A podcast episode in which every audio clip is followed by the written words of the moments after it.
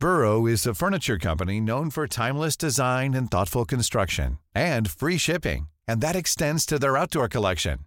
Their outdoor furniture is built to withstand the elements, featuring rust-proof stainless steel hardware, weather-ready teak, and quick-dry foam cushions.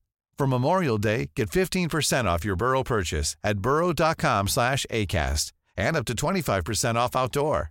That's up to 25% off outdoor furniture at burrow.com slash ACAST. Ryan Reynolds here from Mint Mobile. With the price of just about everything going up during inflation, we thought we'd bring our prices down. So to help us, we brought in a reverse auctioneer, which is apparently a thing. Mint Mobile unlimited premium wireless. Have to get 30, 30, bit to get 30, bit to get 20, 20, 20, bit to get 20, 20, bit to get 15, 15, 15, 15 just 15 bucks a month. So, Give it a try at mintmobile.com slash switch. $45 upfront for three months plus taxes and fees. Promo rate for new customers for limited time. Unlimited more than 40 gigabytes per month. Slows. Full terms at mintmobile.com. Hey, it's Ryan Reynolds, and I'm here with Keith, co star of my upcoming film, If, only in theaters, May 17th. Do you want to tell people the big news? All right, I'll do it. Sign up now and you'll get unlimited for $15 a month in six months of Paramount Plus Essential Plan on us. Mintmobile.com slash switch. Upfront payment of $45 equivalent to $15 per month. Unlimited over 40 gigabytes per month. Face lower speeds. Videos at 480p. Active Mint customers by 531.24 get six months of Paramount Plus Essential Plan. Auto renews after six months. Offer ends May 31st, 2024. Separate Paramount Plus registration required. Terms and conditions apply if rated PG. Helt siden de første menneskene slo seg ned i Trøndelag, har det blitt observert underlige lys over Hessdalen. Fenomenet har blitt forsøkt bortforklart som syner sett av bygdetullinger og deliriske hallusinasjoner forårsaket av den lokale drikkekulturen. Men det skulle vise seg at fenomenet stakk langt dypere, når Hessdalen-fenomenet fikk verdensomspennende oppmerksomhet i ufo-miljøet på 1980-tallet. Fenomenet er fremdeles der, og det er fremdeles like uforklarlig som den gang. I 2024 kommer en podkastserie i seks deler produsert av Project Hessdalen, som kanskje en gang for alle skal finne svar på hva som rører seg på himmelen i denne bortgjemte dalen i Trøndelag. Serien har som seg hør og bør fått tittelen A Blaze in the Northern Sky, og den kommer til din favorittpodkastavspiller i 2024.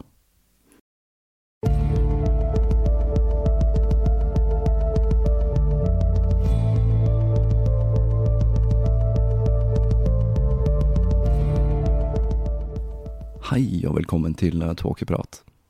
Jeg heter Even, og når jeg tar opp denne episode 124, så er det en vindfull søndag den 9. februar 2020. Helt til å begynne med så tenkte jeg å komme med en liten oppfordring om å gi denne podkasten en god rating der du hører på den. Jeg vet at det krever en liten ekstra anstrengelse å banke inn noen stjerner i eksempel iTunes, og jeg er altfor dårlig til å gjøre dette selv. Men dette er med på å gjøre podcaster mer synlige. Ingen vet hvilken vei vinden blåser, eller hvordan algoritmen til iTunes virker. Hele listesystemet til iTunes er i det hele tatt litt merkelig, men ratings er iallfall en ting som får podcaster oppover på listene. Og de er derfor svært verdifulle for en uavhengig podkast som min, som ikke har noe stort promoteringsapparat å forholde seg til. Det er også utrolig kult når noen tar seg tid til å skrive en anmeldelse. Den som kommer opp når jeg går inn på podkasten i podkastappen til Apple nå, den er skrevet av Nostradamanus, og den lyder som følger. Flott podkast innpakket i fornuftig gråpapir. Leker ikke butikk og holder alltid høyt nivå. Takk, Even. Jeg må si jeg gliste ganske godt av den der, og det høres ikke helt ulikt ut, noe jeg selv kunne funnet på å skrive. Men nå skal vi over til dagens tema. Siden serien Den usynlige fienden har jeg hatt lyst til å ta et dypdykk i en enkeltstående sykdom. Og siden syfilis dukker opp til stadighet i denne podkasten, så følte jeg at dette var et godt valg. Jeg har selv lenge hatt lyst til å gå denne sykdommen etter i sømmene og lære litt mer om den, og denne uka så har jeg hatt anledning til akkurat det. Det har vært en ganske blandet fornøyelse å lese beskrivelser, og ikke minst se bilder av denne sykdommen, som har satt et voldsomt preg på kulturen siden den dukket opp etter Columbus tok den første turen til Amerika. For å illustrere denne episoden, så har jeg valgt et bringebær, og det er flere årsaker til det. For det første så forårsaker en slektning av syfilis, frambiose, bringebæraktige hudlesjoner. For det andre så syns jeg ærlig talt at det bringebæret så litt kjønnslig ut, så jeg syns det burde passe til å illustrere en episode om en av verdenshistoriens mest fryktede kjønnssykdommer. Og i tillegg så syns jeg det ser litt ut som en illustrasjon som hadde passet til en opplysningsbrosjyre om kjønnssykdommer man får hos legen. Det var nå iallfall de assosiasjonene jeg fikk da jeg gikk forbi bæredisken på Rema. Syfilis har inspirert kunsten, og er årsaken til 1800-tallets forestilling om fem fatal, eller Den giftige kvinnen. Og sykdommen inspirerte til og med vår egen Munch, Munch, er det ikke det det heter nå, som skildret sykdommens grusomhet i maleriet Arv.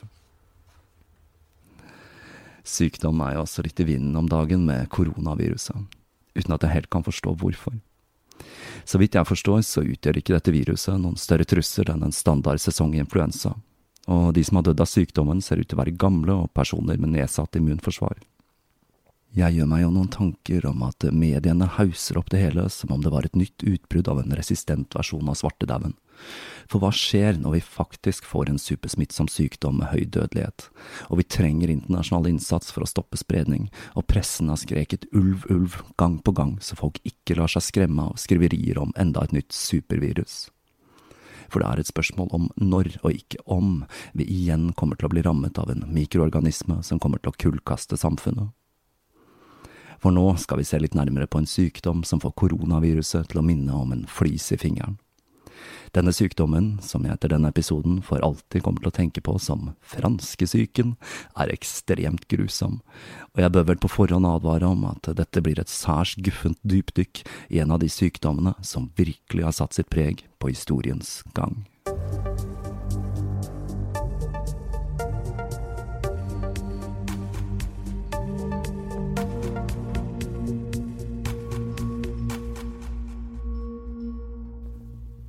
En ting som irriterer meg, er menneskers manglende evne til å se ting i andre nyanser enn sort-hvitt. Dette har vært et gjennomgående tema i denne podkasten, og få steder er dette så tydelig som i konspirasjonsteorienes verden.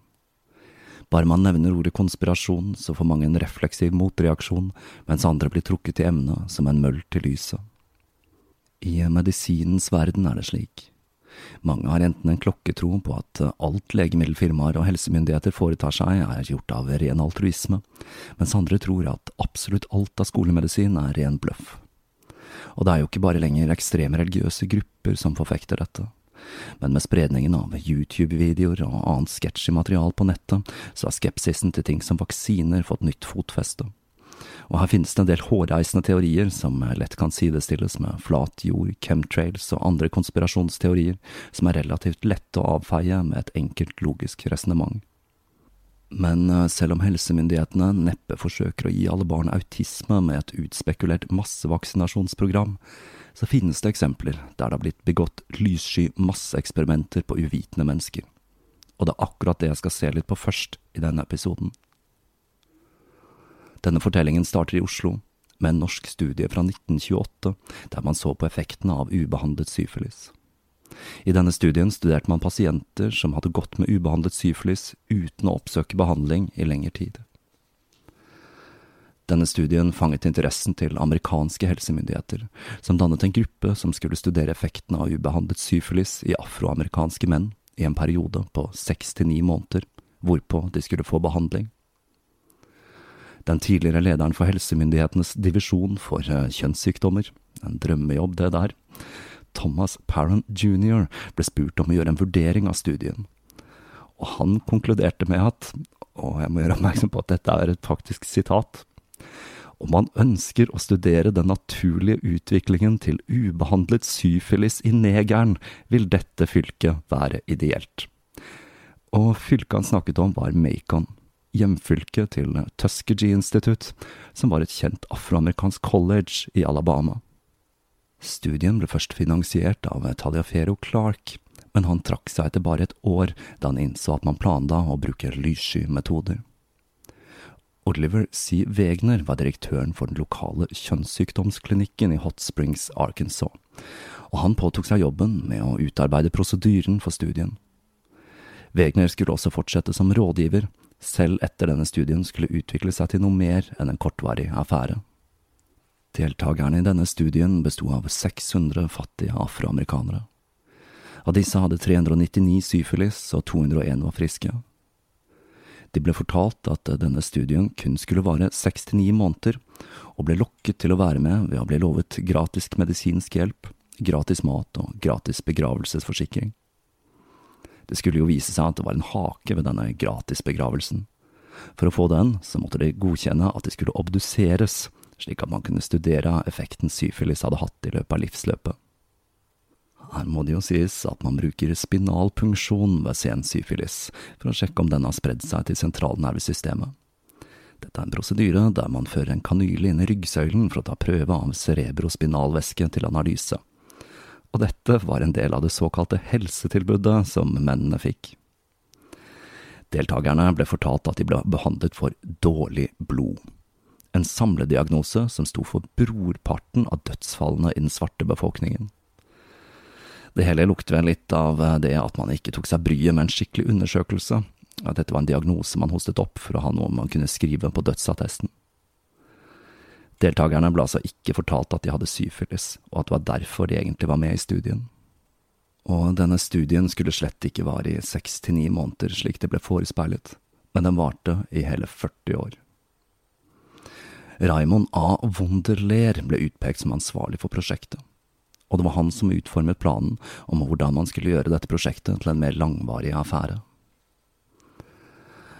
Men eh, selv om denne studien åpenbart lukter av rasisme, man trodde for eksempel at syfilis påvirket svarte og hvite på ulik måte, og ikke minst så mente man at svarte var så promiskuøse at de ikke ville klare å tøyle sexlivet sitt selv om de visste at de hadde sykdommen. Så var det flere svarte som jobbet for hva som senere skulle bli kjent som syfilis-eksperimentet i Tuskegee. En av nøkkelpersonene her var Eunice Rivers, en afroamerikansk sykepleier som hadde blitt utdannet ved Tuskegee, og som ble brukt som en brobygger som skulle vinne tilliten til potensielle deltakere i studien. Denne junis rekrutterte fattige svarte amerikanere som ikke hadde råd til helseforsikring, til å bli med i Miss Rivers losje, hvor hun fortalte at i tillegg til å få fri transport fram og tilbake til klinikken, skulle få gratis helseundersøkelser, gratis mat og ikke minst gratis behandling, som jo inkluderte denne spinalpunksjonen. Dette var noe som var spesielt attraktivt etter børskrakket i 1929, som gjorde det glade 20-tallet om til de harde 30-åra. Rivers var nok ikke et ondt menneske, og hun hadde nok troen på at forskningen på disse mennene ville gi data som ville veie opp for risikoen de ble utsatt for. Men det må jo også sies at hun var den eneste i staben som ble der i alle 40 årene, og hun skulle etter hvert bli en nøkkelperson da hun personlig kjente til alle deltakerne i studien. Medisinene man brukte mot syfilis, som arsenikk, var svært giftige men dette skulle endre seg på slutten av 40-tallet, da man rutinemessig hadde begynt å bruke penicillin i behandlingen av syfilis, noe som revolusjonerte behandlingen av den tidligere svært alvorlige og potensielt dødelige sykdommen. Men i Tuskegee unnlot de å behandle deltakerne for å kunne fortsette å studere sykdomsforløpet. 40-tallet brakte også med seg noen av de mest hårreisende eksperimentene på mennesker vi kjenner til, med Nazi-Tysklands medisinske eksperimenter, som eutanasiprogrammet, som jeg snakker om i Døtre av Det tredje riket. Og i kjølvannet av dette så utarbeidet man et internasjonalt regelverk for å beskytte pasienter mot medisinske eksperimenter. Og i 1964 spesifiserte WHO at deltakerne i medisinske eksperimenter måtte samtykke og bli fortalt hva de ble utsatt for men dette stoppet ikke studien i Tuskegee. Eksperimentet fortsatte, og som om ikke det var nok, så sørget de for at 250 deltakere fra eksperimentet, som ble kalt inn til militærtjeneste, ikke gikk gjennom den obligatoriske kjønnssykdomstesten militæret hadde, slik at man kunne studere dem videre etter endt tjeneste. Det var først den 25. juli 1972 da Associated Press skrev om studien, og The New York Times neste dag publiserte den på førstesiden, at saken ble kjent nasjonalt.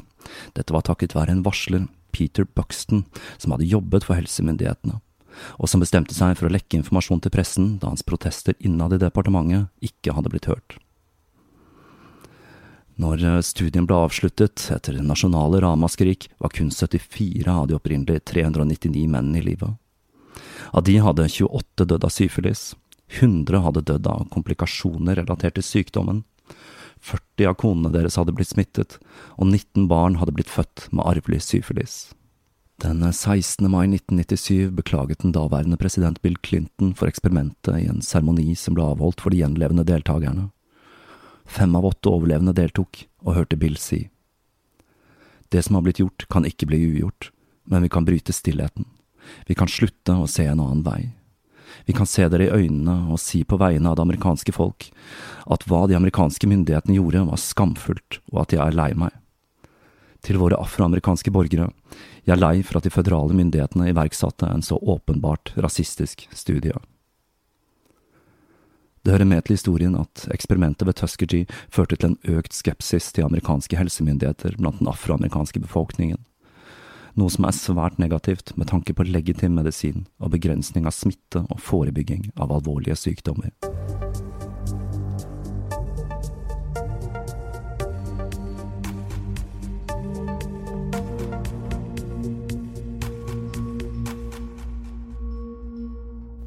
Så der ser dere altså.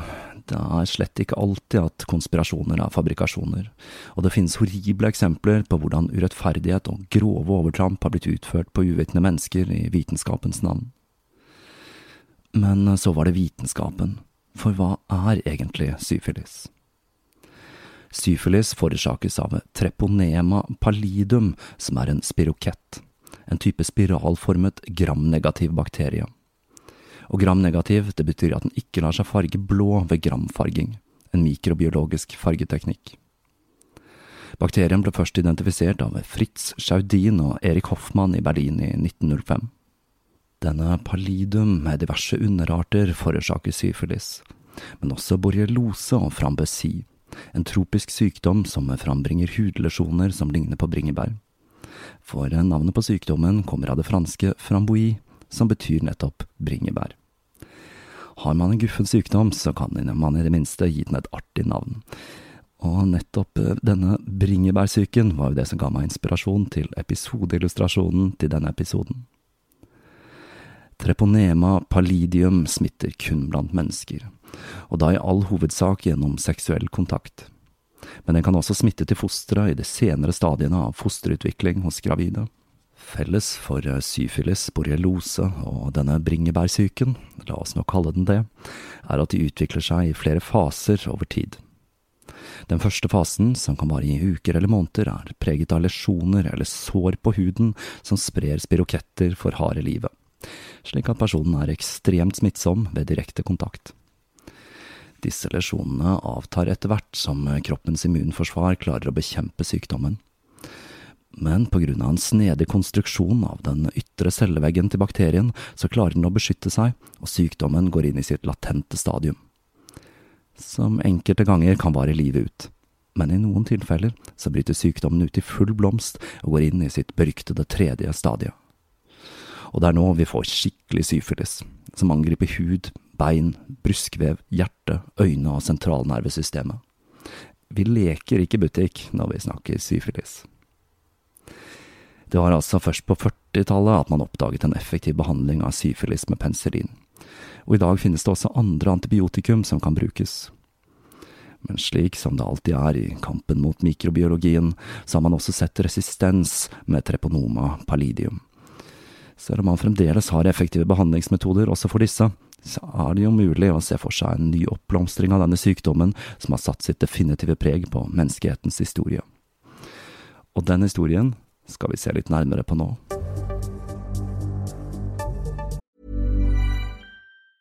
Burrow is a furniture company known for timeless design and thoughtful construction, and free shipping, and that extends to their outdoor collection.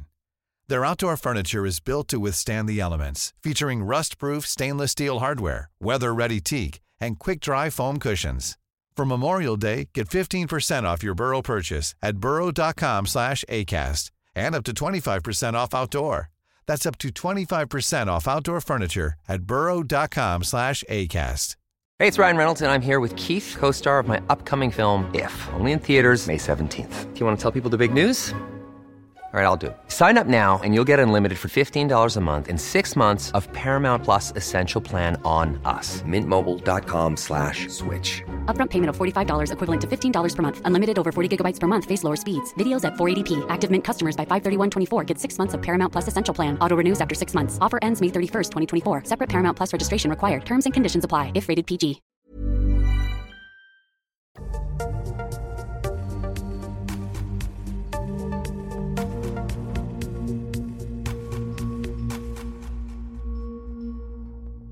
Det første kjente utbruddet av syfilis i Europa skjedde i 1494 i Napoli under en fransk invasjon. Og siden franskmennene tok med seg sykdommen videre, så var den lenge kjent som franskesyken, noe jeg må si er så festlig at jeg skulle ønske vi kalte den det fremdeles. Men hvor denne sykdommen har sin opprinnelse, er ikke helt klart, selv om dette er noe som har vært studert inngående. Man opererer med to ulike hypoteser. Den ene er at sykdommen ble brakt i Europa med ekspedisjonen til Christoffer Columbus, og den andre er at den var i Europa fra før, men at den ikke hadde blitt identifisert. Vi vet svært mye om spredningen av syfilis, siden sykdommen ble oppdaget etter trykkekunsten. Og siden syfilis var en av de første kjente kjønnssykdommene, så ble denne forbundet med umoral, noe som selvsagt fanget folks interesse og gjorde at den ble gjenstand for omfattende studier. Sexceller, den gang som nå. Hypotesen om at Columbus og hans menn tok med seg sykdommen tilbake fra Amerika, er nok den som er mest sannsynlig av de to. Man har funnet spor etter hva som mest sannsynlig er syfilis på skjeletter i Den dominikanske republikk. Og det første utbruddet av syfilis i Europa forekom tre år etter Columbus først satte kursen mot den nye verden. Det hele virker enda mer sannsynlig da spanske leiesoldater deltok i beleiringen av Napoli sammen med sine franske allierte.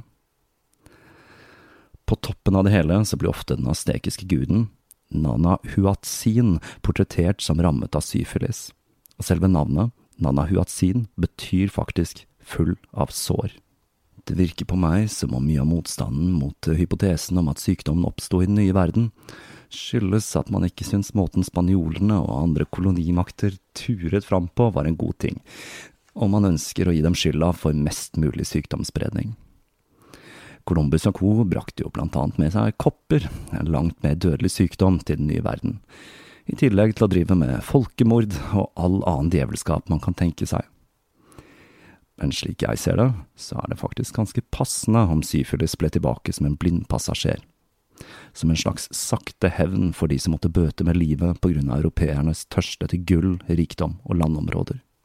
De som mener at sykdommen oppsto i Europa, støtter seg til ideen om at den var blitt feildiagnostisert som spedalskhet, da de to sykdommene har en del likhetstrekk, og man tenker da at man rett og slett hadde oversett den.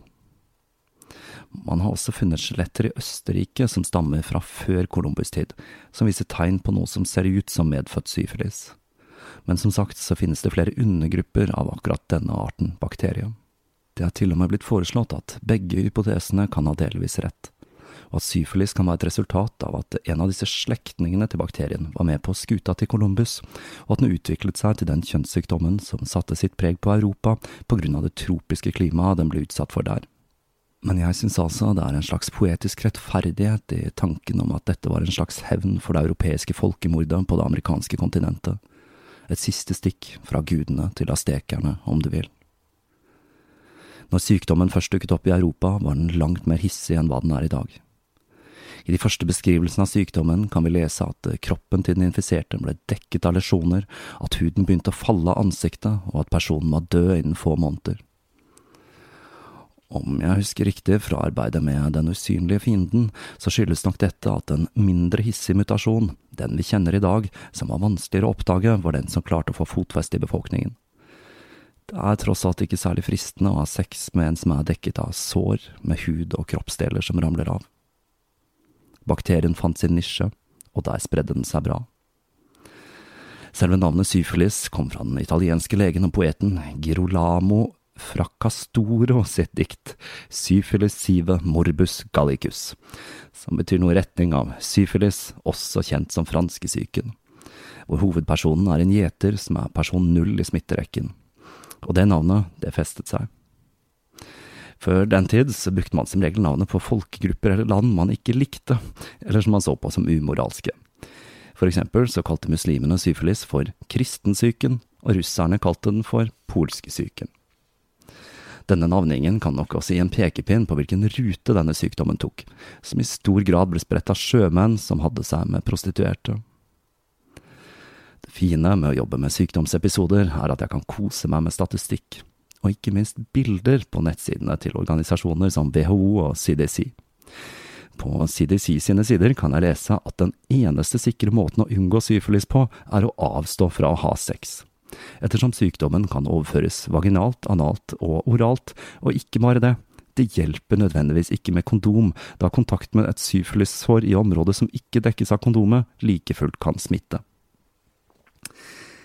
Det første stadiet av syfilis kjennetegnes av ett eller flere sår eller lesjoner der du ble smittet. Dette såret, som varer i tre til seks uker, er smertefritt og kan være vanskelig å legge merke til. I det andre stadiet så begynner man å få utslett på huden og lesjoner på slimhinnene. Dette utslettet kan være grove, røde eller rødbrune flekker på hendene eller under fotsålene. Utslettet klør derimot ikke, og det kan være så svakt at man ikke legger merke til det. I tillegg så kan man få feber, opphovnede lymfeknuter, sår hals, man kan miste håret, få hodepine, gå ned i vekt, få muskelsmerter og lide av utmattelse. Men så så går sykdommen i dvale. Denne dvalen kan vare i årevis eller resten av livet, før sykdommen bryter ut i det tredje stadiet. Det er de færreste som er infisert med sykdommen, som kommer helt dit. Men om man først kommer i mål, så blir de indre organene rammet, i tillegg til hjernen og sentralnervesystemet. Det tredje stadiet til syfilis opptrer gjerne mellom 10 til 30 år etter infeksjon. I tillegg så kan man få neurosyfilis og okulær syfilis i alle de foregående stadiene. Om man får neurosyfilis, så får man symptomer som hodepine, problemer med koordinasjon, paralyse, nummenhet, og ikke minst så kan man bli gal. Og med tanke på Jack Hornby, så er faktisk stormannsgalskap et symptom på neurosyfilis. Litt av en herlig sykdom, dette her, altså og får man okulær syfilis, så kan man rett og slett bli blind. Uff, jeg kjenner jeg blir litt hypokonder nå. Koronaviruset kan bare gå og ta seg ei bolle, for dette er virkelig alle kjønnssykdommers mor. Så nå som eh, dere lyttere sikkert sitter og lurer på om det utslettet dere hadde for ti år siden egentlig var noe helt, helt annet enn en allergisk reaksjon, så skal vi se litt på legevitenskapens mange forsøk på å kurere denne skrekkelige sykdommen.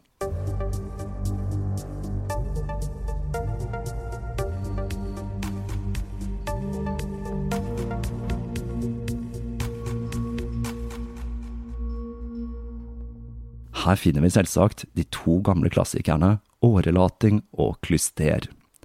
Men kvikksølv skulle raskt bli en slager, da dette ikke helt giftfrie metallet hadde en tradisjon for å bli brukt mot spedalskhet. Og syfles har jo visse likhetstrekk. Bruken av kvikksølv i behandling startet så tidlig som i 1496, og måten stoffet ble brukt på var variert. Det ble brukt atopisk, og det ble tatt oralt, men det kanskje aller stiligste var at man brukte kvikksølvdamp som den syke inhalerte. Dette kunne gjøres på flere måter, blant annet ved hjelp av en innretning som kaltes tabernakelet. Dette var en slags kvikksølvbadstue, der pasienten ble satt i en boks med kun hodet fritt, mens resten av kroppen ble sauset inn i den herlige dampen. Etter hvert begynte man også å bruke avkok av veden til guaiacum, en tropisk busk, for å forsøke å kurere sykdommen, i tillegg til noen andre spreke botaniske løsninger. Men eh, tro det eller ei, blandingen av kvikksølv og søramerikanske buskvekster klarte ikke å ta knekken på sykdommen, og det førte til andre spenstige inngrep. En ting som ofte skjedde med fremskreden syfilis, var at nesen kollapset. Og siden syfilis ble forbundet med sex og umoral, så forsøkte man å bøte på dette for å skjule skammen, blant annet med løsneser. Dette førte til noe så sært som opprettelsen av neseløsklubber i viktoriatiden. Og så førte det til at man begynte med de første eksperimentene med plastisk kirurgi på 1500-tallet. Hvor man forsøkte å ta hud fra en del av armen for å få dette til å gro der nesen skulle ha vært. Ulempen var at man måtte gro blodårer i det nye vevet som vokste fram. så armen måtte bindes til ansiktet der den vokste fast, for så å separeres i en annen operasjon.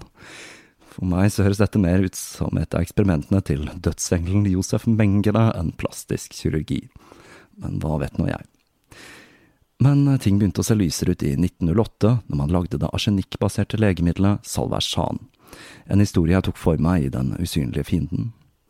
Dette legemiddelet ble senere forbedret og gjort mindre giftig i den forbedrede versjonen Neo Salversan. Man fant også en annen teknikk, for høy feber så ut til å drepe syfilis så man begynte å smitte pasientene med malaria, noe som var effektivt, og som førte til at Julius Wagner Jarøeg vant nobelprisen i 1927 for oppdagelsen av den terapeutiske bruken av malaria. Det sier jo sitt om syfilis at det var å foretrekke å bli smittet av malaria framfor syfilis.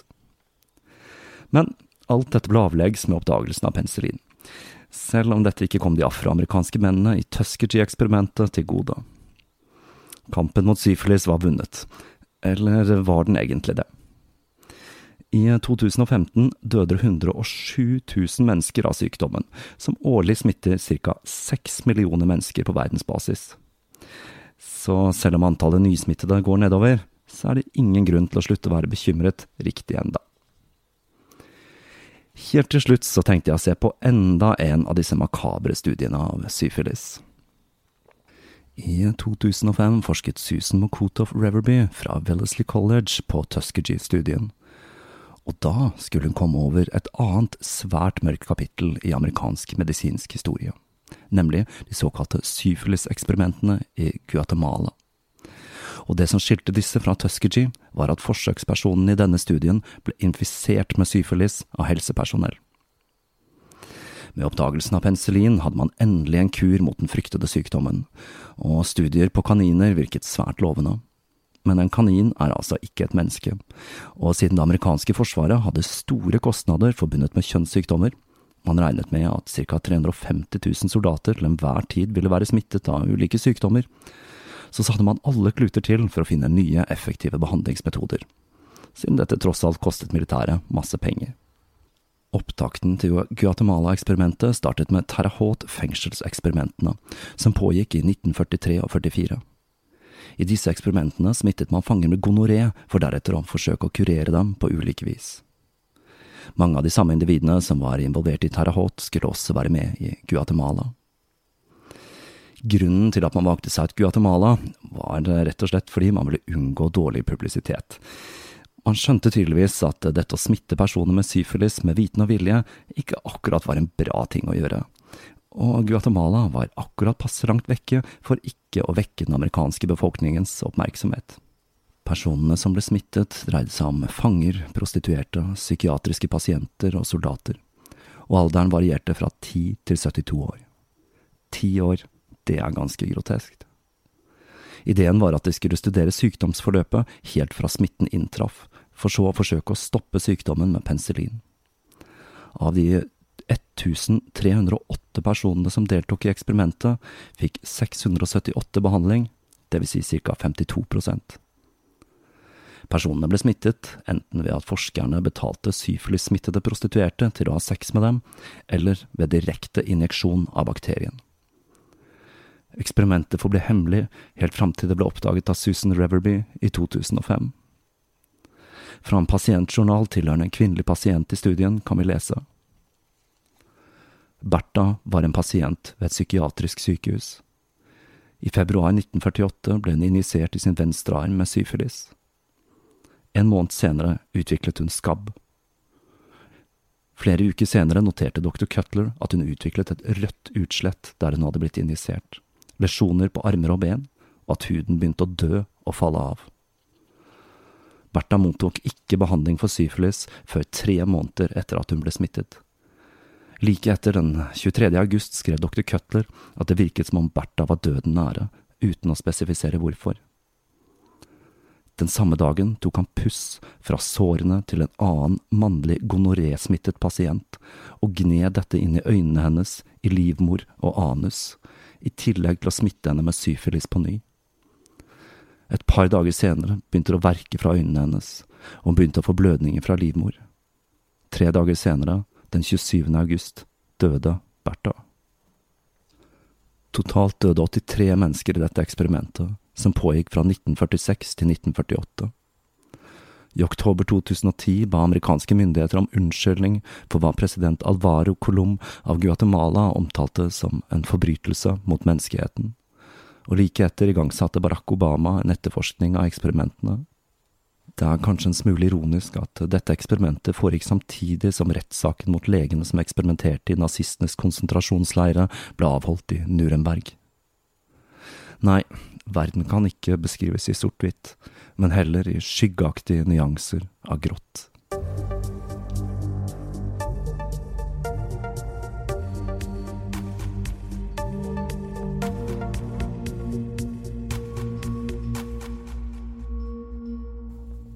Og da sier vi takk og farvel til syfilis for denne gang. Jeg får håpe at ingen av dere lyttere får stiftet nærmere bekjentskap med denne sykdommen enn hva dere har fått i denne episoden. Nå skal vi skifte gir i podkasten. Vi har tenkt til å bi meg i kast med en ny serie. Denne gangen vil nok de av dere som etterlyser mer norsk tematikk bli fornøyd, når jeg skal se litt nærmere på en forholdsvis ukjent del av norsk krigshistorie. Dette dreier seg om en historie som har det meste drama, konspirasjoner, og hva som mest sannsynlig var et attentat på en av Norges mest kjente personer i samtiden. Hovedpersonen i denne fortellingen ble titulert som ministerdoktor, og da tipper jeg noen av dere der ute vet hvem vi skal se nærmere på i neste episode. Så mens dere går rundt og grunner på hvem denne ministerdoktoren er, vil jeg oppfordre dere til å gi Tåkeprat fem stjerner, og kanskje skrive en liten anmeldelse. Og ikke minst, tipse en venn og følge podkasten i sosiale medier. Jeg vil som vanlig rette en stor takk til dere som støtter denne podkasten på Patrion, og til dere som har valgt å donere gjennom nettsiden. Dere gir meg det lille ekstra som gjør at jeg holder denne skuta flytende uke etter uke. Takk til dere alle sammen. Avslutningsvis så gjenstår det bare å minne om at ingenting beskytter mot syfilissmitte, og at flere blir smittet årlig enn det bor mennesker i Norge. Hørte jeg noen si koronavirus?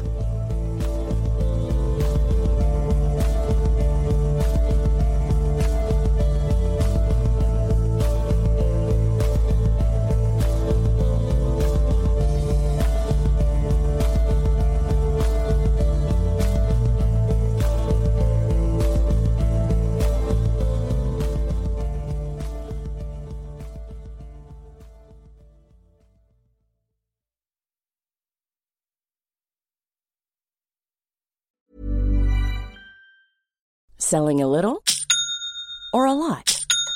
Shopify helps you do your thing however you cha-ching. Shopify is the global commerce platform that helps you sell at every stage of your business. From the launch your online shop stage to the first real life store stage, all the way to the did we just hit a million orders stage. Shopify is there to help you grow. Shopify helps you turn browsers into buyers with the internet's best converting checkout. 36% better on average compared to other leading commerce platforms because businesses that grow grow with Shopify. Get a $1 per month trial period at shopify.com/work. shopify.com/work. Hey, it's Paige DeSorbo from Giggly Squad. High quality fashion without the price tag. Say hello to Quince. I'm snagging high-end essentials like cozy cashmere sweaters, sleek leather jackets, fine jewelry, and so much more. With Quince being 50 to 80% less than similar brands. And they partner with factories that prioritize safe, ethical, and responsible manufacturing. I love that. Luxury quality within reach. Go to quince.com slash style to get free shipping and 365 day returns on your next order. Quince.com slash style.